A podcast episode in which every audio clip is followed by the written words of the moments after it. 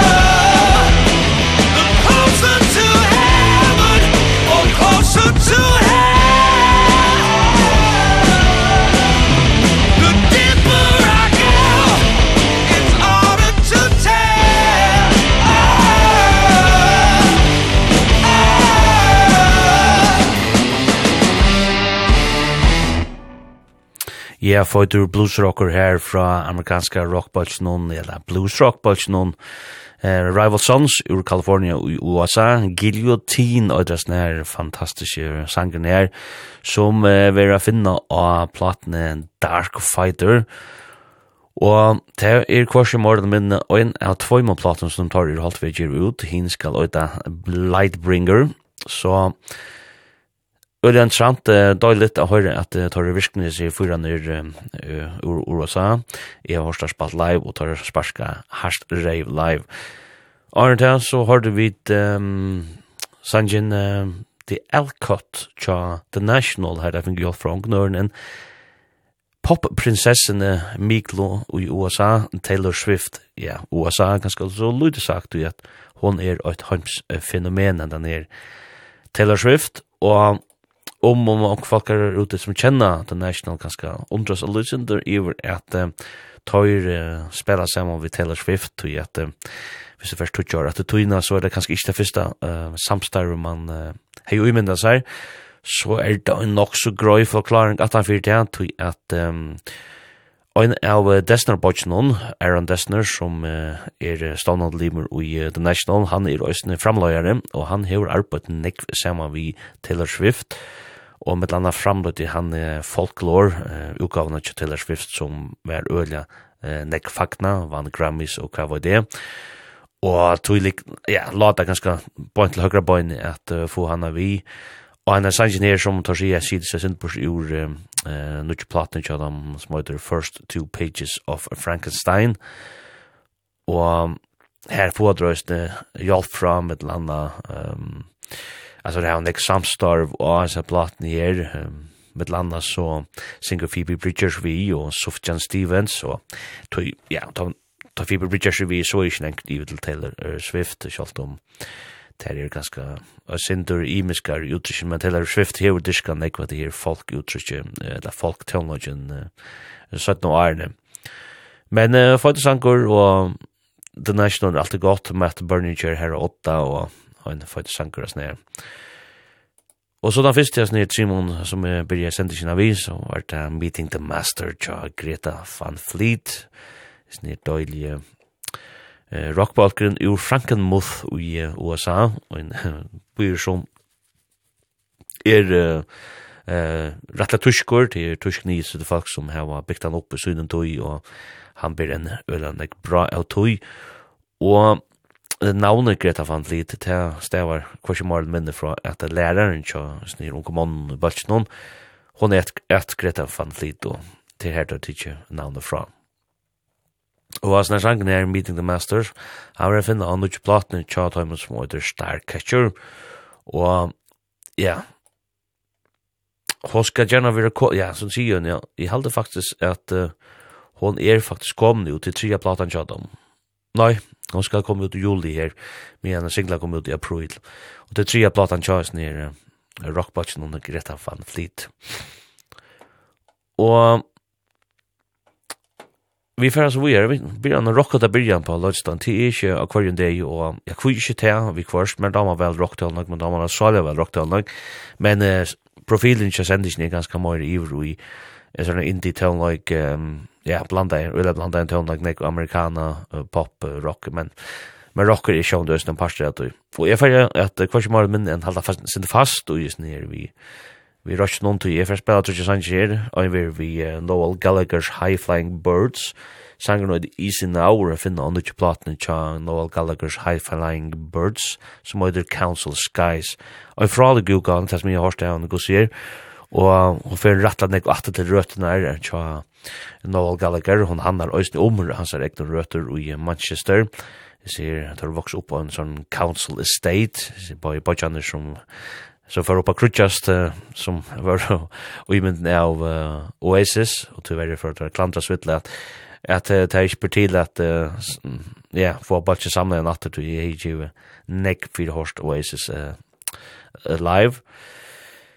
Men det säger Noel han han noktar att gjør över att um, huxa tankan med en uh, Liam Gallagher. Er mer öppen för möjligheten um, uh, men det er nok inte om det är spiritilarna för framtiden Nyligen säger jag nyligen skriver Liam Gallagher at hvis vi Manchester City vinner Champions League så så vill han ha bultje samlingen att til det som Manchester City mangla torri kjemp og fjeppare av Manchester City. Anyways, så får du høre en nudja sang til en bøtj mot The Gaslight Anthem, og det er første nudja tjallmøkeren man hører fra sin i bøtjen om i høyre nudja er Positive Change og det sangren, og han ber vittnesbor om at det kommer en nudja plata fra oss sin i døyla rockbøtjen Det første har vært å føres, og det har vært ikke annet enn 200 som får spela og en av Jeg har tvoi minutter singler som tar hava givet ut av kommande platene som heter Ravehart, eller nukje platene som heter Ravehart. Og ja, tar hava løtt i nøkker år nu. Jeg halte tjei år siden og sønnes at platan kom ut til nekv år. Og tar kom oss ut uh, vi Boulder og brak og vi pusht ut og høyla. Og ta sagt meg også med å spela, han heter Leverhuset. Jeshovel 200. Nå skal jeg fortelle dig om Leverhuset. Cadillac och spänn Och Harry Mans blev med kvönden a men vad den han var snäll Över till Veriher Där känner han Det heter hans västländ Men något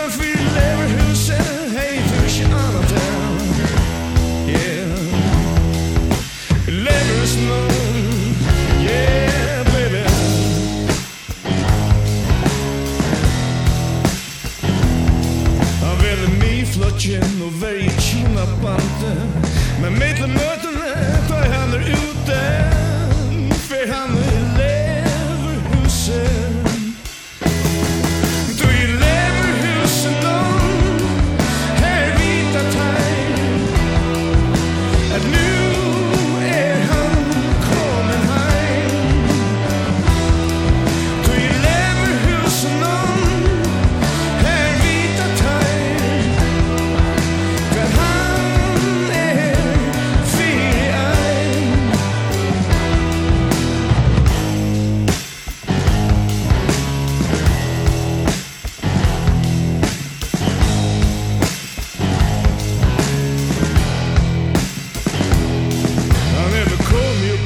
för en sikre skilt Det är gamla tricks Och han för dickpics.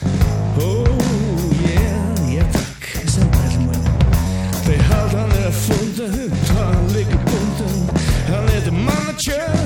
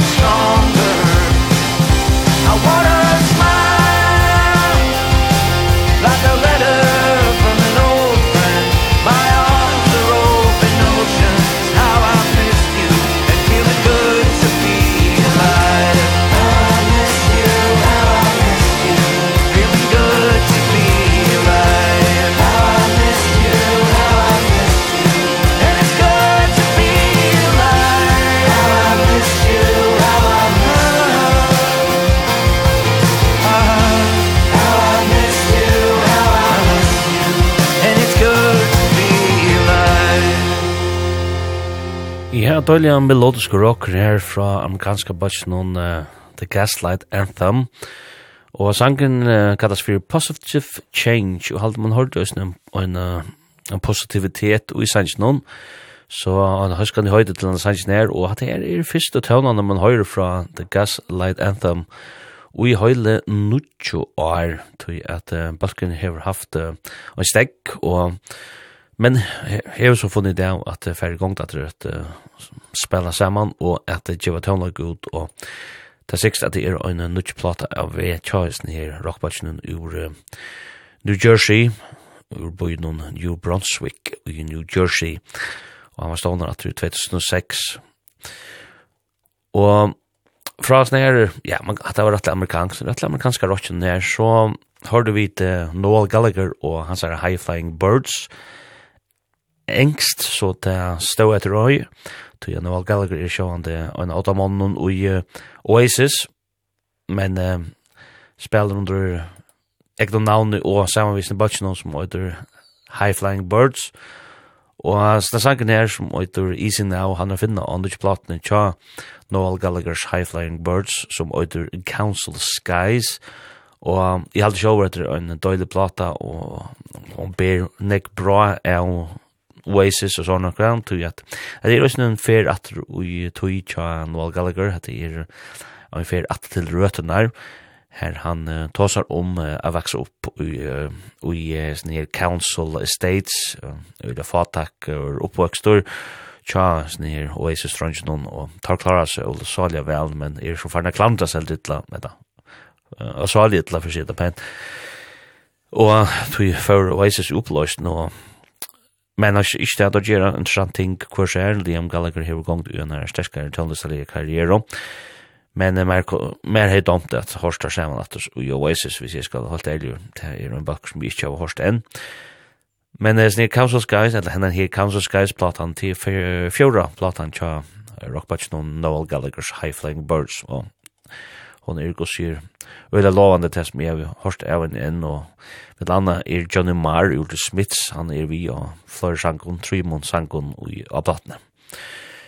og da fyrst jeg snir Trymon sangon her som vi har nu alle rocksanger tema sjåan den leverhuset tja akkar ekno 200 her det var ute vi push noen alvorlig ute vi push noen må man sige. Og at det er sanger som jeg finner at det er nødvendig platt som heter Rave Harst og tid døylet at 200 er virknatter og er i gang til tjejer så søgna saldje, og for av løtt, til nek fent, og og så lykka alt ikke nek lykka, til at nek av evnen er sjående, um, det er så om vi kjenner det atter, med landa, og jeg er snart om leverhuset, det er en her. Det er dobbelmoralen som er dobbelt så gøy ofta, uh, kjenner om folk. Men stått til er det gaur humor i flenni alltid harst etter 200 kjallt om det er nek få ilt i dinten, ja, du men, til så kvett man, han som är teker i sekur, eller hva man vil, jag var kjørt. Jeg halte at det er spika hamrande fort. Nå, vi fer så til, uh, ja, fer faktisk fra Russian och då i vidle morgen, vill mora kanske poppa där eh holiga tonar vi får høre um, Och nu sang John en dame som heter Caroline, Caroline Rose som heter Tell Me What You Want. Og at det er um, fjóra singlan av hennara nutjo plato som heter The Art of Forgetting. The Art of Forgetting. Døyl tøyde om plato. Og um, vi får høyra en sang tja en er norskar damo som kommer til fyrir å spela av Skrapt-festivalen som er i juli, kjenta 8. juli mitt i havn av Tørskøtta. Hon øyder Gugusar, det spiller navn hun Gugusar, og hon ja hon kom eh fram eller hon blev gjort eller jag blev gjort vär vi annat i i Heje Sund och Haberg Essestein som fyrskipar skrapp som samvärste sendisne og i helst det var öliga öliga dåliga tonar og eg heldi at eg skal nú spela ta og sendis sendisne aftur hvis du vil høre etter sendingene vi sånn uh, så er hun å finne av heimasynet tja Lloydstein som er kvf.fo framskak Lloydstein, og sender ikke i krøysene er ute som podvars på uh, Spotify og sånne gang. Men en, en uh, spennende tøllelse av kvinna, og det har vi sagt om henne at hun har givet færre plater ut, og har vunnet Performer of the Year, ta i utländsk og tølleste av virslønne var handa i 2022. Jeg får spela en sang til henne som heter Rødden i Klittenun. Og det er så en sang som jeg finner av henne her um, plato som uh, heter Nå just plato som kom ut i fjør. Men jeg får byrja vi en sang til Dølja Batsen Portugal to Man. Her tar jeg få hjelp fra øyne som heter Edgar Winter. Sangen kalles for Champ. Og Jeg synes sangen er jeg vil finna av en av Richard plate tja Portugal The Man som uh, fyrir øyda Chris Black Changed My Life. Og ja, hon skal komme ut i uh, hva stendur i juni i år men uh, her kommer tversingler fra Øyna The Dummy og så hentan her som er The Champ og hun gjør også sånn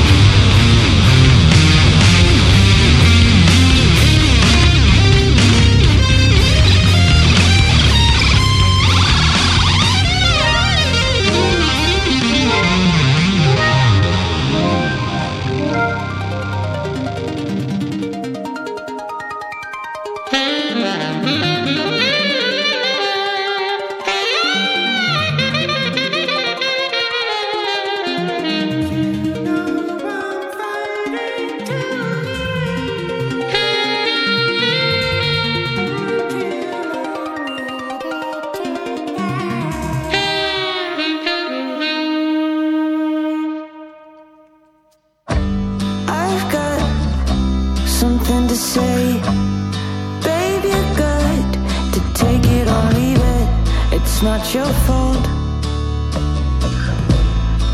It's just the way you are. Right now Tell me what is wrong. Cause I'm no longer having fun. Oh fuck it all, I'm done. Life goes on. I just gotta take a beat some fresh air in my lungs. I just gotta do my thing. And shake it up.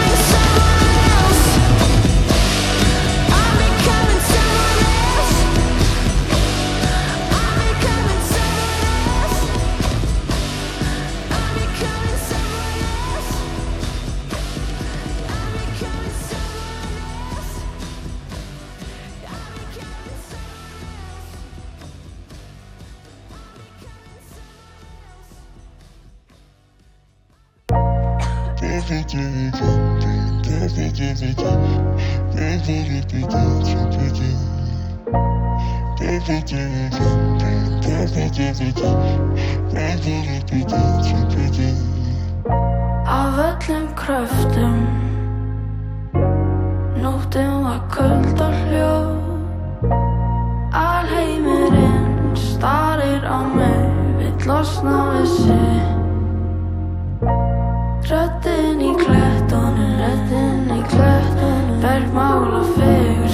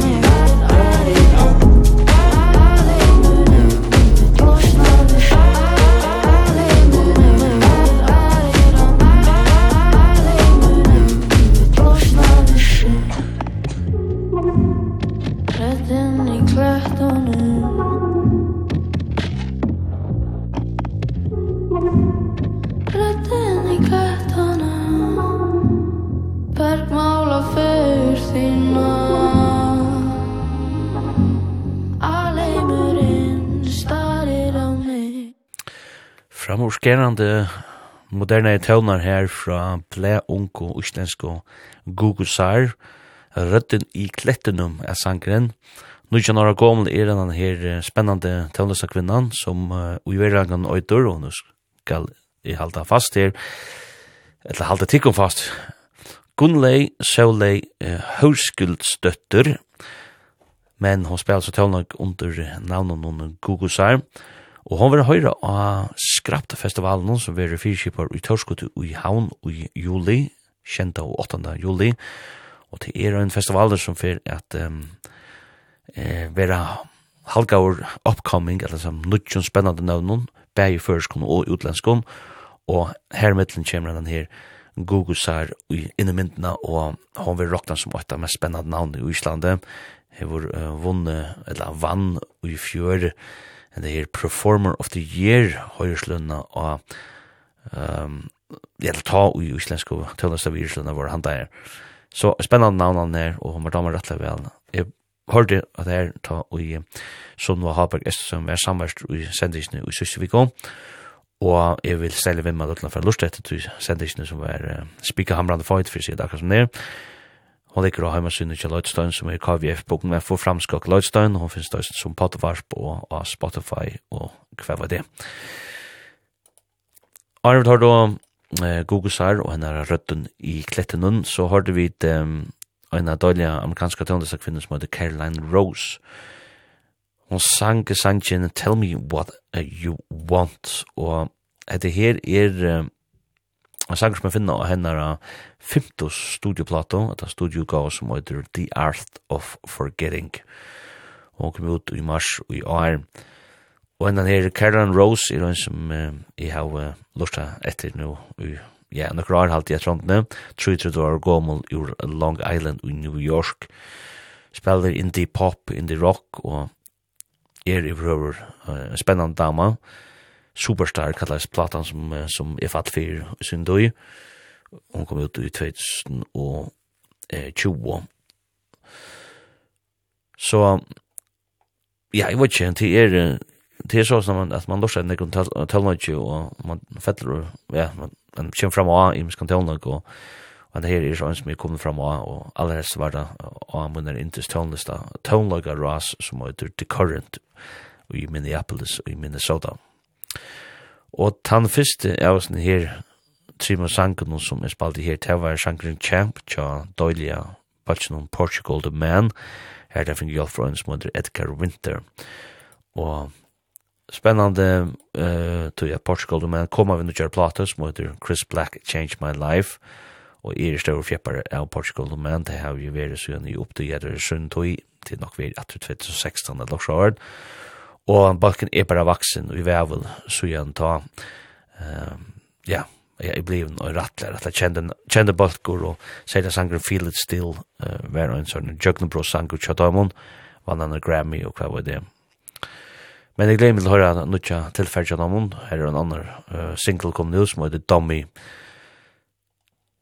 Well um, vi får å gjøre vi får til uh, mittlanna Jason Isbell og hans her The 400 Unit, Death Wish kallast sterskur uh, sangur som er a finna og eller verra a finna og nudge platen til Jason Isbell og The 400 and The 400 Unit som for øyda Weather Wains. Jeg vil spela uh, sangen um, uh, Pegasus tja Sarah Donnelly ensko Arlo Parks. Og herfaren hjelp fra amerikansko Phoebe Bridgers og det sangen om nødt singla for henne. Men det første, det var røstene en uh, sanger tja, en uh, stersk og nødt baltje, en superbaltje, uh, kallar man det, som heter Boy Genius. Sanger kallas for uh, Cool About It, og sni Boy Genius til er en balkur som uh, er samansetter av uh, Trimon Tøllnestakvinnon, Julian Baker og Phoebe Bridgers og Lucy Dacos. Og ta i balkar, eller tøllesa folk ur imiskun, øren balkun, eller så lest jeg finna saman. øren balk så blir man kallat det for en superbalk. Traveling Wilburys er en superbalkur. Og det her er sånn folk-rocker eller indie-rocker, og det er rettelig godt det som det gjør, så damnar, det er Donald Lier. Sangren finna av tar av første uka av som heter Kvartje Marl Minne um, and The Record. Og til debutplatan, ja, da må og kom ut i mars i år. Og ja, let kan høre ned. Cool about it.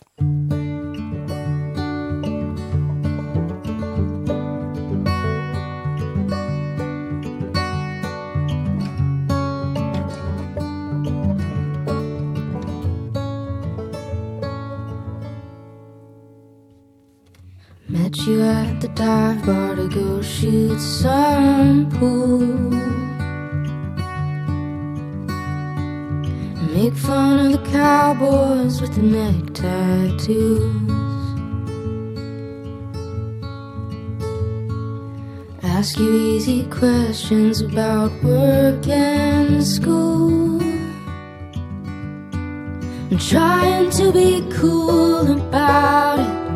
Feeling like an absolute fool about it Wishing you. Were kind enough to be cruel about it. Telling myself I can always do without it. Knowing that it probably isn't true. I came prepared for absolution If you'd only ask. So I take some offense when you say no regrets. I remember it's impossible to pass your test. But I'm trying to forget about it. Feeling like I'm breaking a sweat about it. Wishing you would kindly get out of my head about it. Telling myself one day I'll forget about it. Knowing that it probably isn't true. Once I took your medication to know what it's like. Now I have to act like I can't read your mind. I ask you how you're doing and I let you lie. But we don't have to talk about it. I can walk you home practice method acting I'll pretend. Being with you doesn't feel like drowning. Telling you it's nice to see how good you're doing even though you know it isn't true.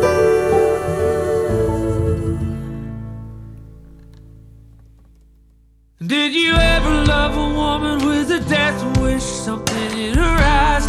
flipping off a light switch. Everybody dies but you gotta find a reason to carry on.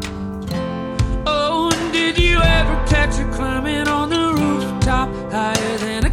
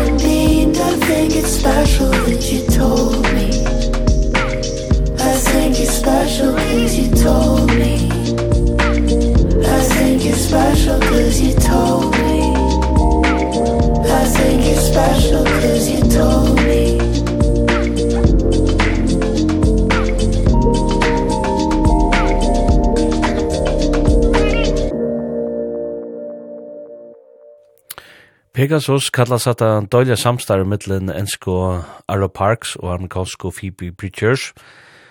Og nasa sangen her vil jeg finne av en nødvendig plato tja Arlo Parks, det er henne nasta plata, eller åndre platan tja henne.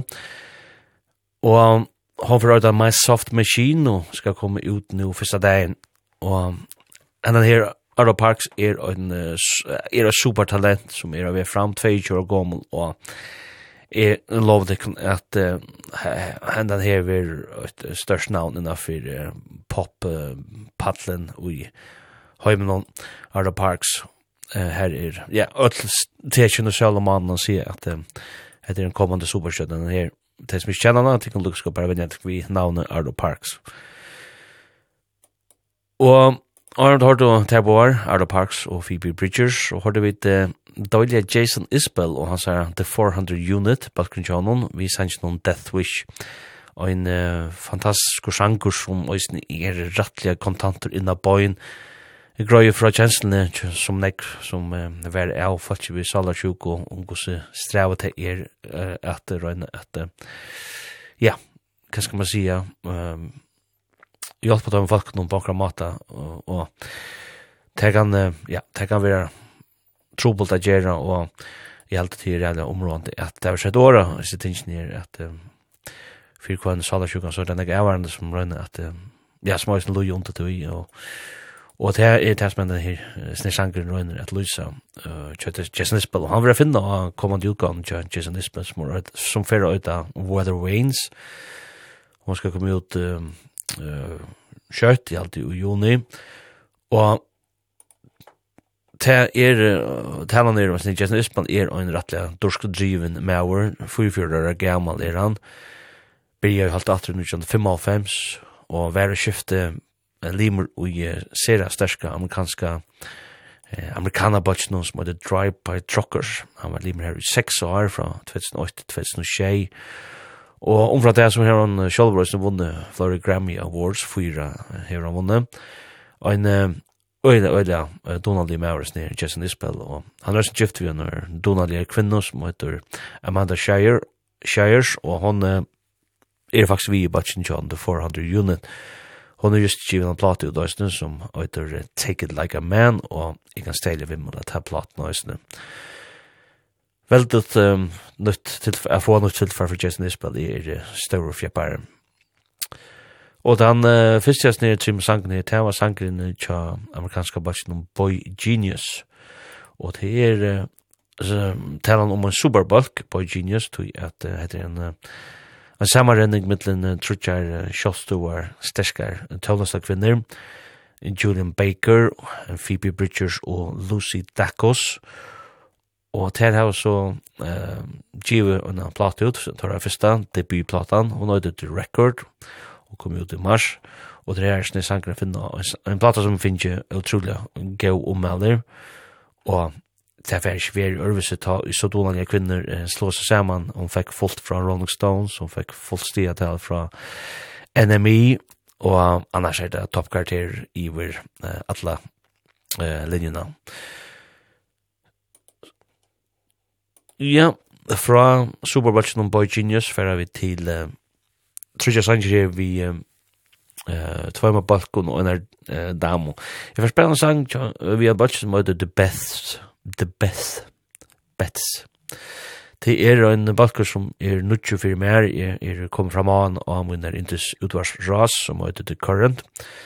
Jeg får spela en sang uh, som heter Watching the Credits. Det er en uh, nutju sanger som det er givet ut, men det er en sanger som uh, eh, nok la etter ta etter på eh, tar er og plate ut eh, i fjør som er et expert in a dying field. Så eh, det lukka som eh, ja, ja, hva sier jeg? Sindre resten, men eh, godt er det lukka vel? Og um, dette her er faktisk nere, The Beths er faktisk ur uh, New Zealand og en indie-balker herfra, indie-rock-balker ur Auckland, så til ikke ofte jeg spiller tøvnok ur New Zealand, men jeg vet at uh, New Zealand og Australia er øyne største tøvnokker padler, eller tøvnokker padler, og særlig er det innenfor ja, det er slik indie-rock, at det er gjør seg ordentlig, uh, eller klarer seg ordentlig vel. Jeg får spille en sang til uh, amerikansk Jenny Lewis, Psychos, øyde sangren, og til er en sanger som vi er finna og en nødvendig plato til henne som uh, fyrir øyde Joyal, og han kommer ut i juni, det er femte han til seg her, Tjej fyrir år gamle damen ur Las Vegas i Nevada. Hon er bæg tøvlesta kvinna, men også sjånlagare, sjånlagare inda. Og i røver en sterske dama men lad oss først høyra en nutja sang tja skotska Texas, tog at um, de er til endes nere Texas som uh, vær så stor i, i 90 noen, 90 år noen, men uh, de gjør også nutja tøvnlag, at det kommer gossi vi nutja tøvnlag uh, av en er uh, hva kallar man det for uh, sounds plata som kommer ut, uh, plata som fyrir fagna torrara uh, a Aloi fra 1924 til 2023 og her er det tvær nutjer sanger og og mitt anna uh, eller annar av tøymon til her som er After All og ja, lett en gjóta gó gamla Texas her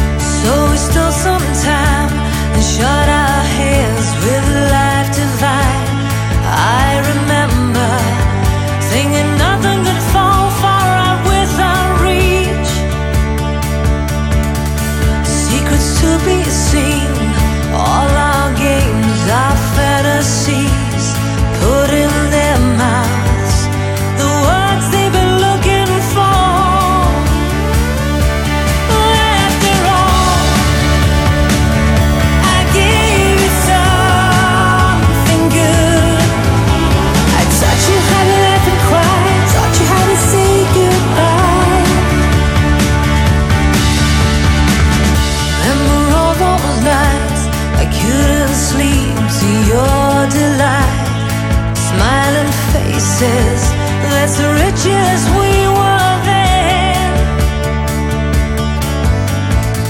Since we used to do I tell stories to I do you But we're still laughing. I guess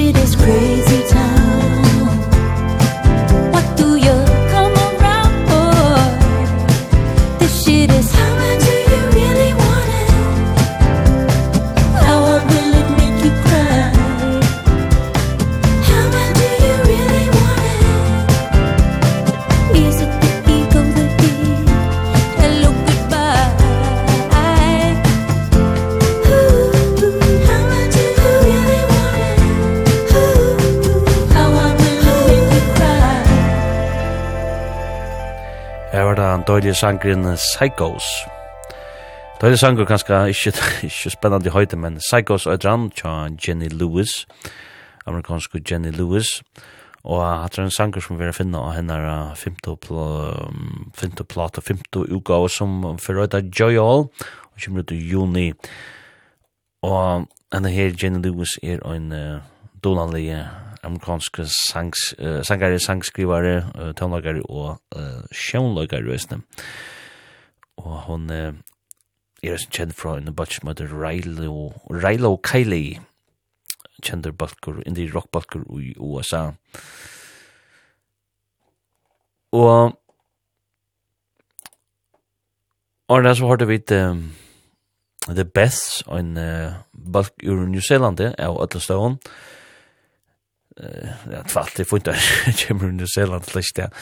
er ikke alltid jeg spiller tøvnlag under Zeland, men det her var størskene tøvnlagstapatt her, det her var det just nu i Australia, ofte er det går inn i tøvnlag som kommer fra herfra, og jeg halte at The Bets er et superdømme på det.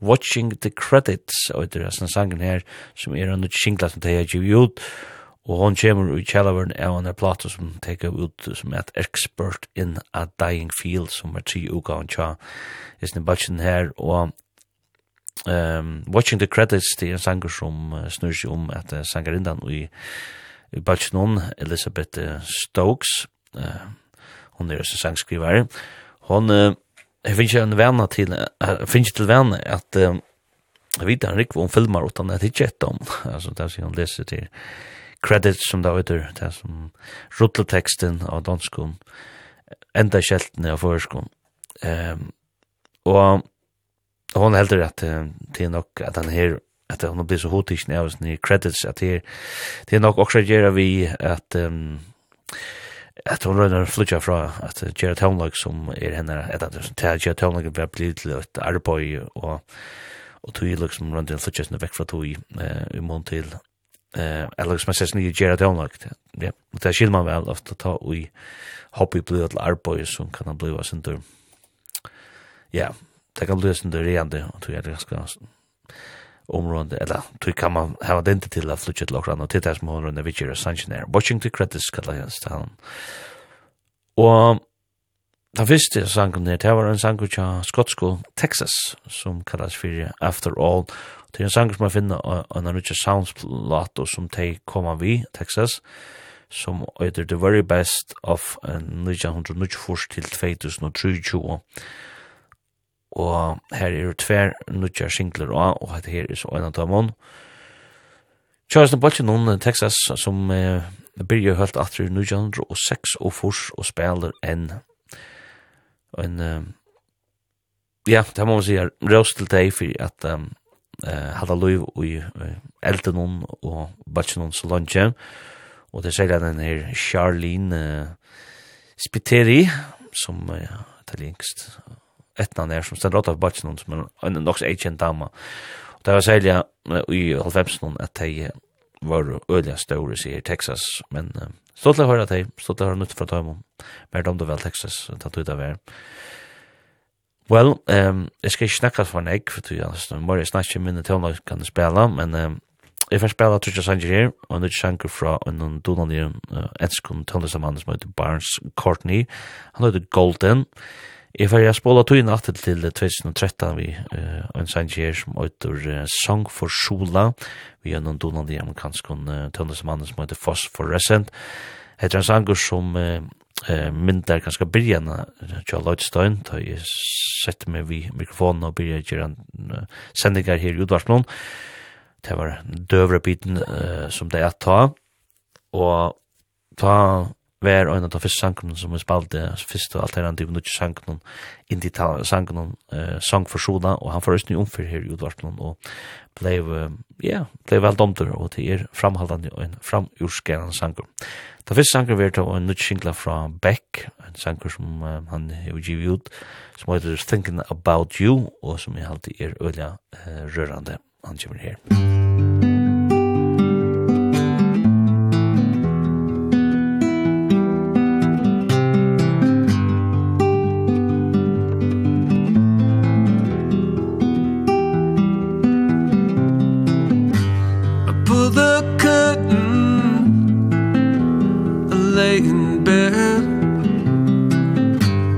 fifteen movies of you Playing in my head. Chasing the moonlight. Watching the ocean turn blue.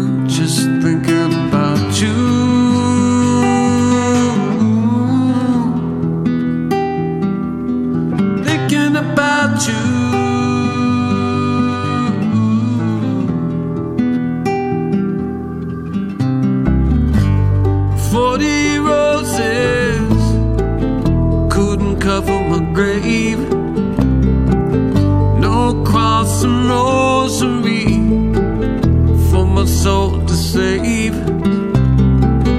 Wanna believe in something.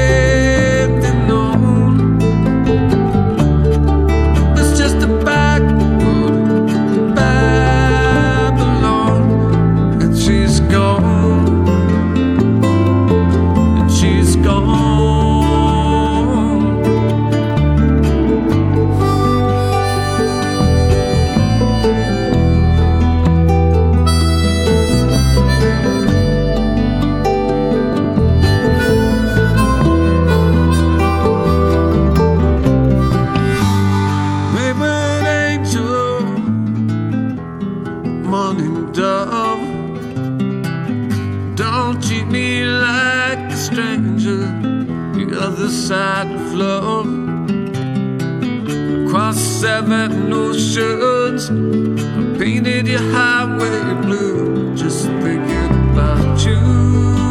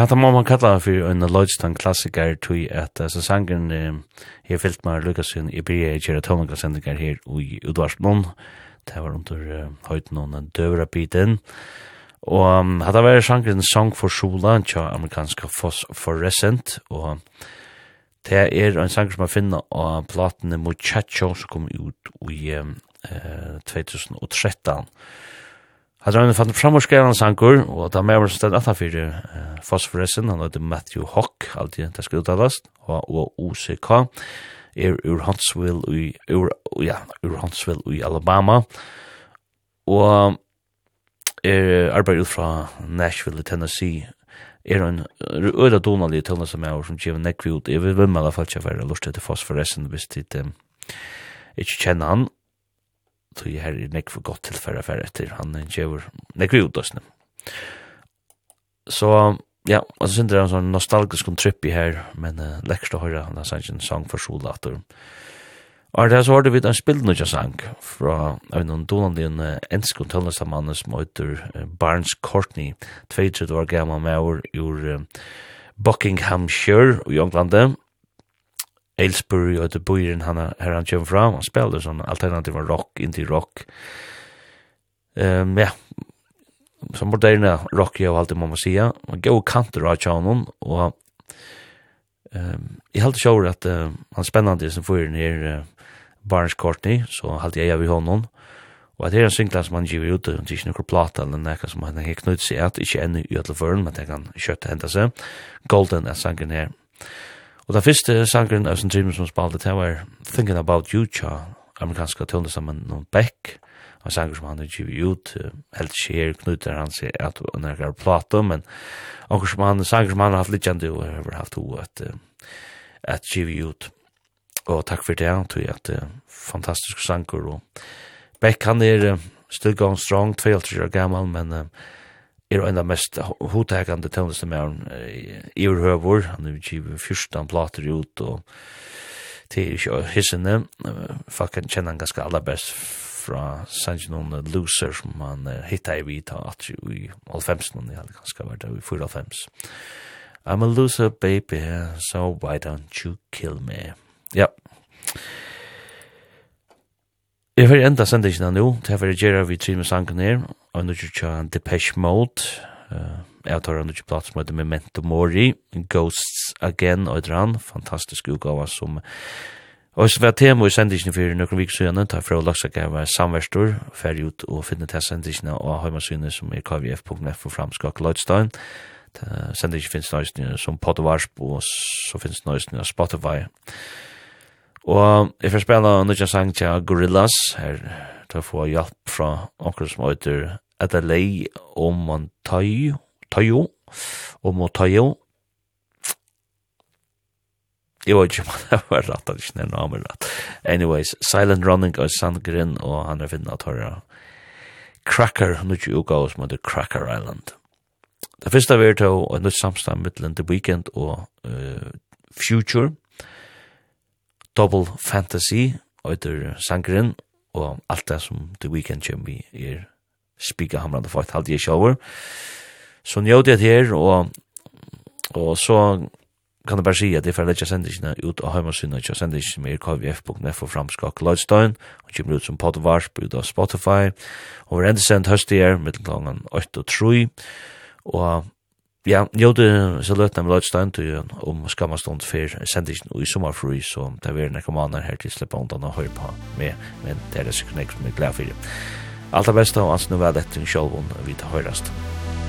Temperature rising, bodies united Now that I've trapped you in my arms No need to fight it, no need to hide it Now that I've seen what's in your heart Baby girl, I'm the only one who knows the side